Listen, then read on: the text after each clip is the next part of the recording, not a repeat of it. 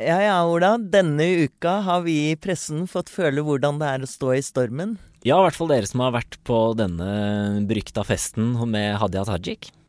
Den store konspirasjonen, mener du? Som kjent, eh, de som vet hvordan pølsepolitikk lages, de er skeptiske til begge deler. Og så må vi jo innom Donald Trump igjen, som er i trøbbel både her og der. I think it's a disgrace.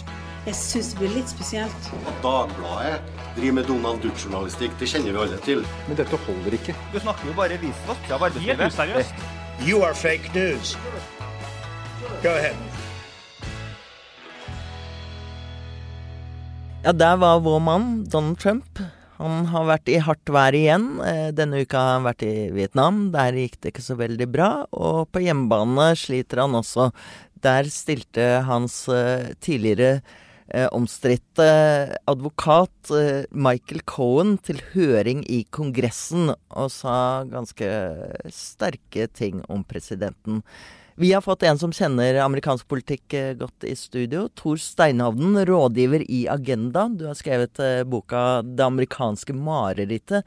Hvordan USA ble et splittet land. Hva er det denne høringen med Michael Cohen egentlig handlet om? Ja, bare kort om hvem Michael Cohen er, kan jeg kanskje komme først. Han var jo Trumps mangeårige fixer og personlige advokat fra den tida han var i New York, og inntil relativt ganske nylig var lojal mot Trump. Så kom han under etterforskning av eh, føderale myndigheter i New York eh, og ble dømt for bl.a. valgkamp brudd på valgkamploven, eh, for å ha drevet en slags sånn taxisvindling i New York, og, og for å ha løyet til en sånn høring, en komité i Kongressen. Og eh, i går så var det vel første gang vi egentlig har fått høre hans historie foran eh, en komité på denne måten. Før så hadde jo republikanerne makta i Kongressen og ville ikke ha satt opp det teateret vi så i går. Men demokratene er jo svært velvillige til å, å sette Michael Cohen foran eh, på, på, på vitnelista, sånn som de gjorde i går.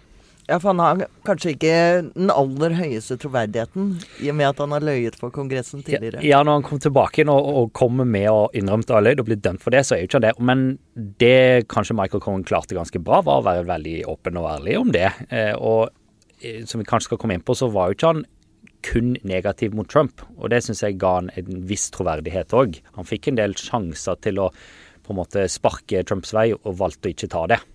La oss høre hvor hardt det gikk for seg i Kongressen på onsdag ettermiddag. I am ashamed because I know what Mr. Trump is.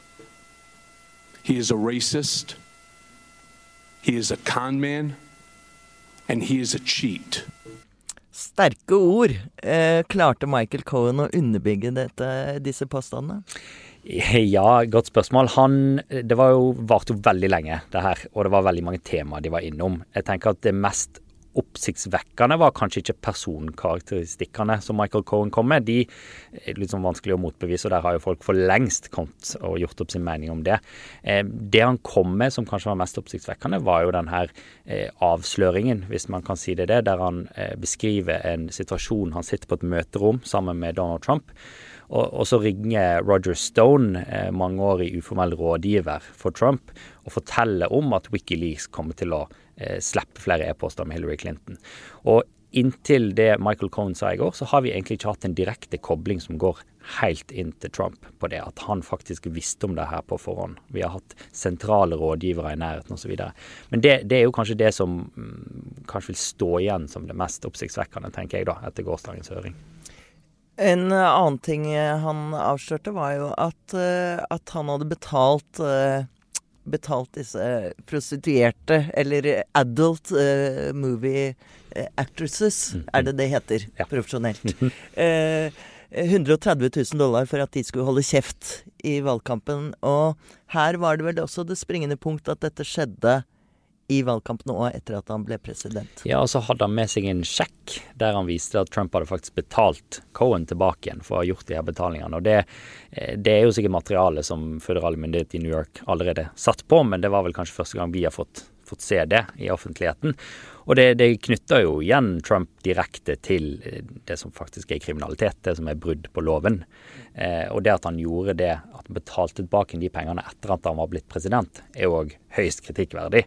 Eh, om det på en måte kan brukes i noe sak eller noe rettssak. Sånn. Det er jeg ikke sikker på. Om det helt tatt blir en riksrettssak, er jeg ikke sikker på.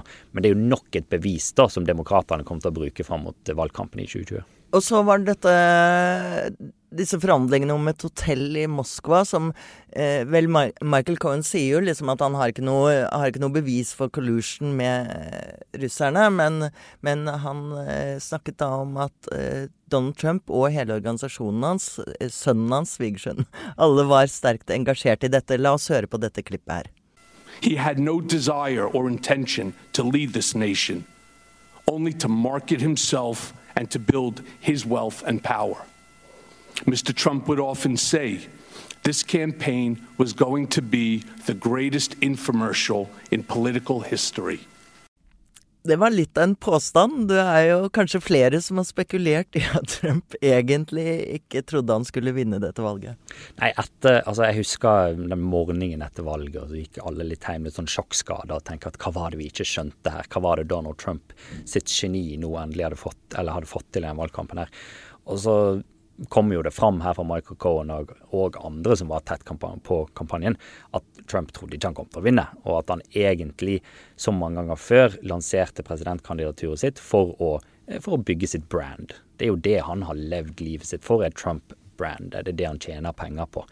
Um, og så, så, er det jo det er interessant å se at han forfulgte andre spor underveis. Det er jo nok en illustrasjon på at han faktisk ikke trodde han kom til å vinne. Og det han har nå spilt ned i mange år, er at han hadde ikke noen koblinger til Putin eller Moskva eller hotell og sånne ting. Og så viser det seg at jo, nok en gang så er han tatt i en løgn, da. Ja, ja, og Cohen uh, forteller at, uh, at uh, han Cohen har drevet en del med eiendomsspekulasjon selv, og han forklarer denne ideen om at Putin skulle få en penthouse suite i, i, dette komplekset, det var jo bare ren reklame. Ja, er, jeg tror det er en modell som Trump har brukt før òg, faktisk. Han får disse her eh, litt lugubre folkene fra utlandet til å kjøpe noen av leilighetene når de har investert. og så På den måten kan han òg skryte av at de har flytta inn, og så bygger han videre på at den leiligheten er der alle de rike, famøse, nei, kjente folkene bor. Så no collusion, bare markedsføring. Ja, sant. Eh, men, eh, men det er jo et alvor som ligger bak dette her. Robert Muller Etterforskningen, som selvfølgelig er enda større og mer alvorlig, var også ventet å komme denne uken, men eh, er, eh, er uvisst når det kommer. Men er nok uh, like rundt hjørnet, tror folk. Mm. Hva, er, hva, er, status? Har, de, har, de, har, du inntrykk av at de har kommet noe nærmere å knytte Donald Trump til russ? russiske forbindelser? Jeg tror jo det, det spørs, hovedspørsmålet som ble stilt når spesialetterforskeren ble utnevnt, var om var det en Eh, koordinert kampanje mellom russerne og Trump. Og eh, de som har fulgt det her tettere, mener at det, bevisene så langt tyder på at Mueller ikke har funnet noe sånt. At det vi kommer til å se eh, når rapporten kommer, er en hel rekke med folk som har tabba seg ut, som har egentlig dret litt på draget, ikke tenkt over konsekvensene av det de gjør, pluss en hel bråte med sentrale Trump-rådgivere som faktisk har brutt loven på andre punkter, og som har blitt dømt for det. Så det blir jo vanskelig å argumentere for at det her var bortkasta etterforskning, for den har jo avdekka utrolig mye, også om russerne sin på en måte sin, sin, aktivitet foran valget. Men at det kommer en sånn stor sånn stort skjelett i skapet som ikke har vært der før, det, det begynner vel å se litt tvilsomt ut, egentlig. Eh, og så betyr jo ikke det at denne rapporten ikke blir skadelig for Trump. Eh, nå har vi jo faktisk et demokratisk flertall i huset som kommer til å bruke den for det det er verdt. Eh, og den vil nok plage han inn mot 2020. Men er det farlig? Det er jo, det er jo gangen i dette her nå er jo den Rapporten skal jo gjennom så mange ledd at det knapt blir ferdigbehandlet før neste presidentvalg. Så hvor farlig er det for det Trump? Altså det spekuleres om helt at rapporten blir publisert. Jeg tenker at i i 2019 så kommer vi til å få den rapporten, enten de vil eller ikke. Den kommer til å bli lekka noen hvis den ikke blir publisert. Eh, justisministeren, eh, Nye justisministeren William Barr har sagt at han kommer til å publisere en versjon som er redigert, og det tviler jeg på at demokratene kommer til å godta. Eh, så jeg tenker at den her kommer til å bli skadelig for Trump, men at det leder til en riksrettssak, stiller jeg meg litt mer tvilende til. Men det kan være nok egentlig bare at han blir felt, altså at han går inn i valgkampen såpass skadeskutt så vi slipper å få Trump i, fire år til. Jeg tror ikke det før jeg ser det. Men uh, han uh, har nå uh, vært i Vietnam også, som vi var inne på, og hadde et toppmøte med sin gode venn, eh, kompis eh, Kim. He's a great man, som han sa. Men eh, det gikk ikke så bra. Nei, og litt overraskende egentlig. Vi, vi snakket om, om, det her før sending. Uansett hvor bra disse møtene ikke går, går eller ikke går, så pleier jo Trump å erklære at det var en seier. Men her har han faktisk, som han har sagt, gått fra bordet da, og, og avbrutt forhandlingene uten å skrive under på noe. Um, og Det syns jeg er litt oppsiktsvekkende, at han velger å, å faktisk uh, gå herfra uten å kunne si noe som helst om en seier så må det jo sies at han likevel erklærer en liten seier. For han sier jo at ingen andre har kommet så langt som vi har, og vi har tross alt fått til ABCDE. Eh, så, han kommer nok til å reise hjem og, og, og si det til sine kjernevelgere. Han hadde òg fått med seg Sean Hannity, Fox News-programlederen, for første rad, og var litt sånn overraska over at oi, der sitter Sean Hannity, kom med et spørsmål, som da ga han en lissepasning. Så Trump er klar til å spille det her som en seier, selv om det jo absolutt ikke var en seier. Altså Borte i USA, Ola, der kan man snakke om samrøre mellom uh, politikere og journalister. Ja, vi har våre problemer her òg, kanskje. Vi fest, fester sammen, som noen har bitt seg merke i. Men, det, eh, det, skal vi komme innom i neste innslag. Men, uh, men tusen takk, Tor, for at, du, for at, du, ga oss en løypemelding i dette kaoset rundt Trump, som, som, hvor det skjer så mye at vi mister jo litt oversikten.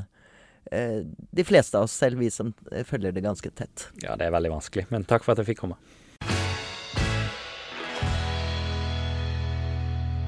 Ny uke, nytt bråk rundt eh, Trond Giske. Eh, vi skal snakke senere om Ap-strid og en mulig maktkamp eh, rundt eh, Jonas Gahr Støre og Trond Giske. men først pølsefest, eller mer bestemt øl- og halalpølser.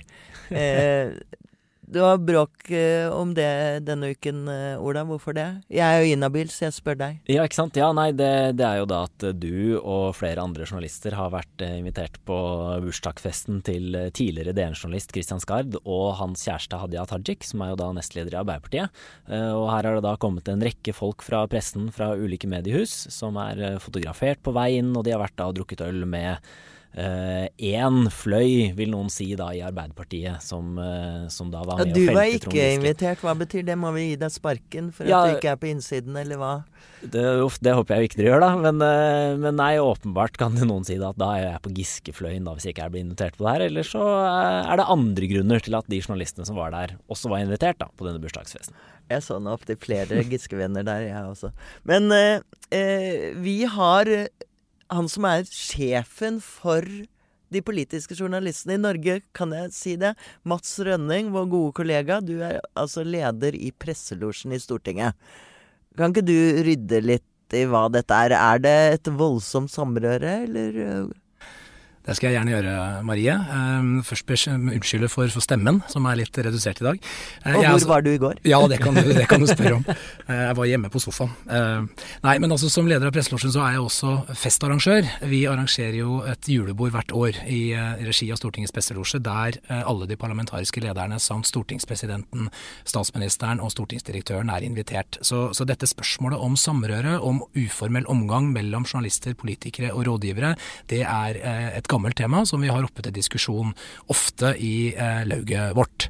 Eh, og fra utsiden, for dem som kanskje ikke kjenner til hvordan denne omgangen er, så kan det jo se suspekt ut da, når toneangivende stemmer i offentligheten som eh, deg selv er med på en fest som er initiert og invitert til av, av Kristian Skar og, og Hadia Tajik. Og det synes jo å fòre dem som har konspirasjonsteorier knytta til Dagbladets dekning av eh, Giske-saken. men det er jo viktig å få fram her at uh, dette er ikke et uh, eksklusivt selskap, i den forstand at uh, Marie Simonsen og jeg og flere andre i Dagbladet og i andre redaksjoner deltar på tilsvarende tilstelninger, uformelle sammenkomster i regi av alle partier og i regi av organisasjoner på begge sider av uh, bordet. Regjeringsapparatet har jo en månedlig treff med også øl og pølser. Det er ikke måte på dette øldrikkingen. Nei, og, og, når vi er på tur med statsministeren, som jeg f.eks. var på sikkerhetskonferansen i München for uh, en tid siden, så, så, treffer vi statsministeren uformelt over et glass uh, vin eller øl på kvelden.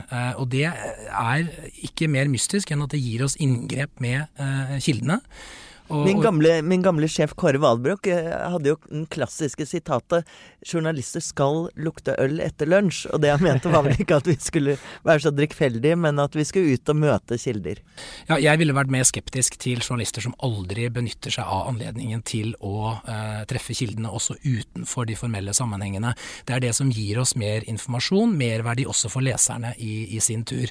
Samtidig så, så tror jeg vi er tjent på å ha en åpenhet om dette her for journalister og kommentatorer lever av eh, integritet og troverdighet, og den må vi jo hegne om. Men hvordan kan vi stole på da, som, som lesere, at det ikke har her skjedd en uformell påvirkning, eller at man har gjort noen avtaler, eller at man lar være å angripe eller kritisere de man er på fest med, og går hardere til verks mot de man ikke omgås sosialt med, selv om det er i uh, ulike settinger man møtes?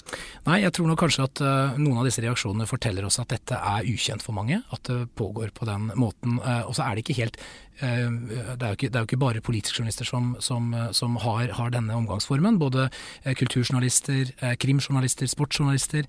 De treffer kilder og kontakter også utenfor pressekonferansene. Og, og, det er grunnen til at vi kan fortelle leserne noe de ikke får høre når kameralampene lyser.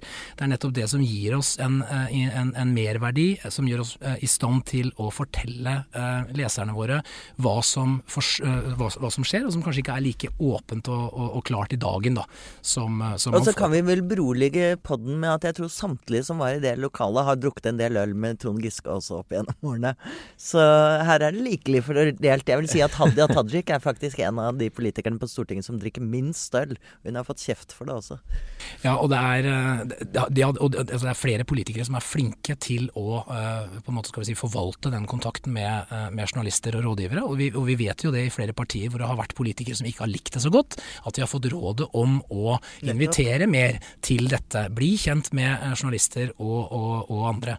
Og vi skal være klar over at vi blir invitert ikke fordi vi er Marie Simonsen og Mats Rønning og, og Ola Rydje, men fordi vi jobber i Dagbladet. Og som ung journalist så fikk jeg den uh, tilbakemeldinga fra en erfaren kollega at du må aldri tro at det er fordi de er interessert i deg, de er interessert i den stillingen du har og den jobben du har. Og, og de er påvirkningsagenter, de er profesjonelle påvirkningsagenter, og det skal vi være klar over. Og det tror jeg uh, og håper jeg at uh, alle våre kolleger i presselosjen er, er klar over. og Derfor så handler det om å opptre profesjonelt også i disse uformelle sammenhengene. Jeg vil slå et slag for at vi gjenåpner Tostrup-kjelleren. Berømte, klassiske presseklubben som var åpen eh, for hvor alle gikk samtidig og drakk og hang sammen. Ja, for dette er ikke nytt, Marie. Har, sånn har det vært i, i tiår etter tiår. Da er det i hvert fall samlet på ett sted, ikke sant?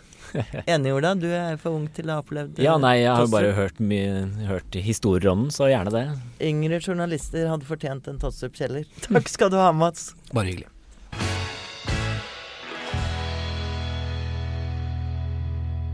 Da har vi ryddet unna pølsefesten, så da må vi snakke om det vi egentlig driver med. Politikk og sånn. Eh, denne Giske-saken har jo nok en gang eh, utløst spekulasjoner om at det foregår en maktkamp i Arbeiderpartiet.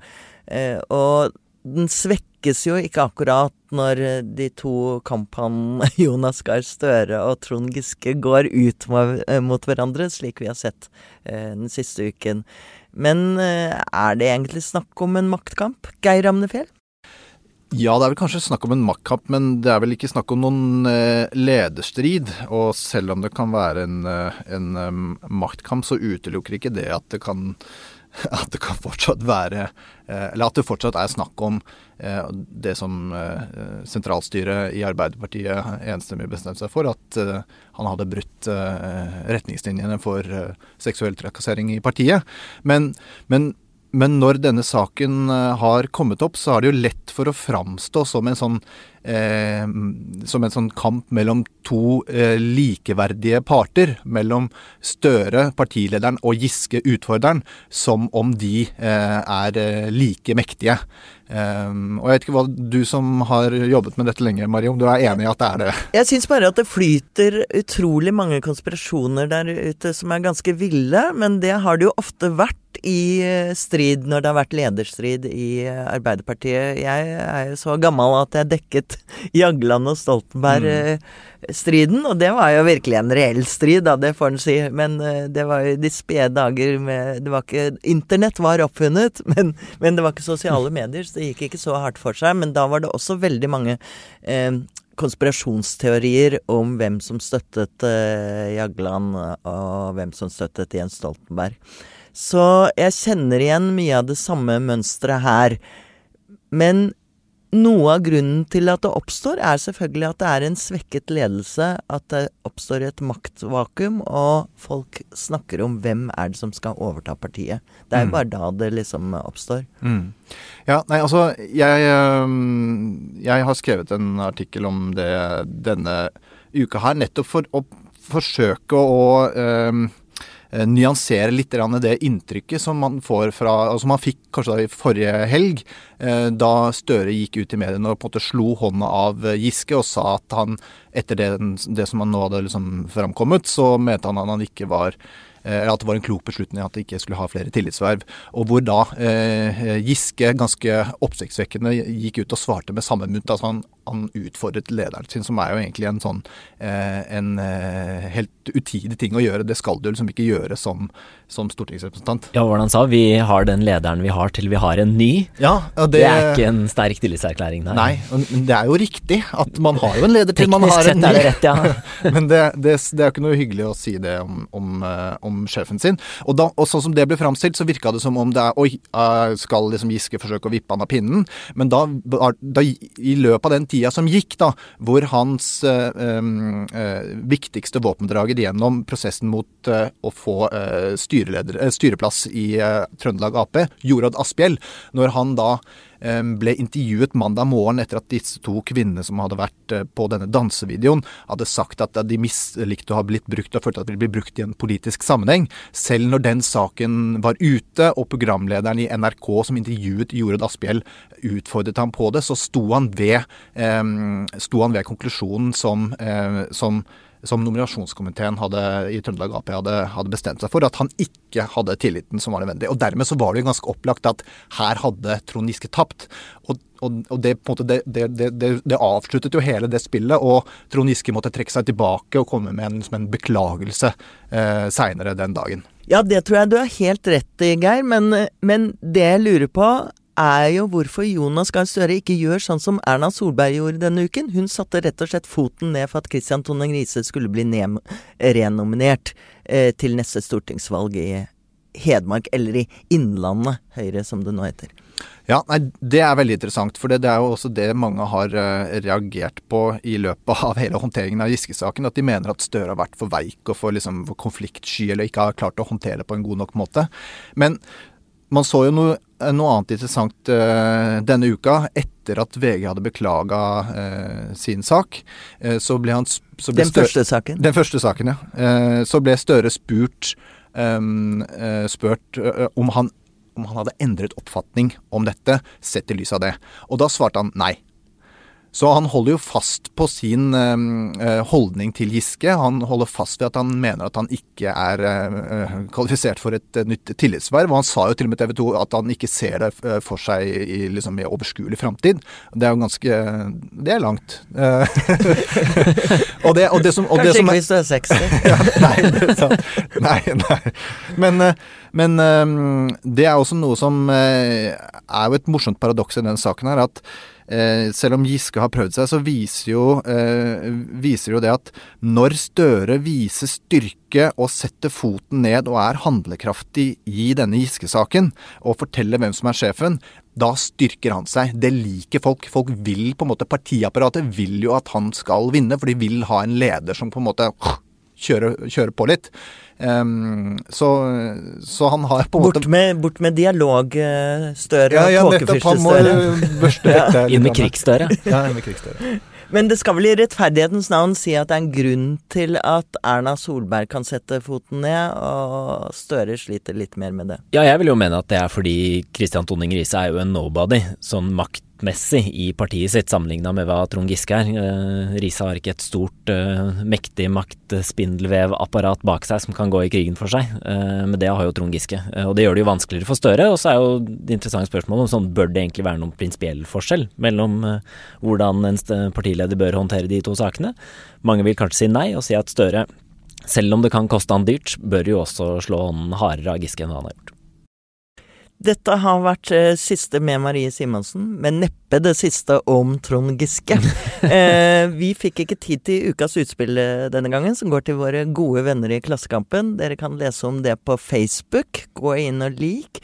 Og hvis noen lurer på hvorfor det bare var menn i studio denne episoden, så var det selvfølgelig fordi at Fredrik Solvang har fortalt meg at kvinner stiller ikke uansett. God helg. Ha en god helg.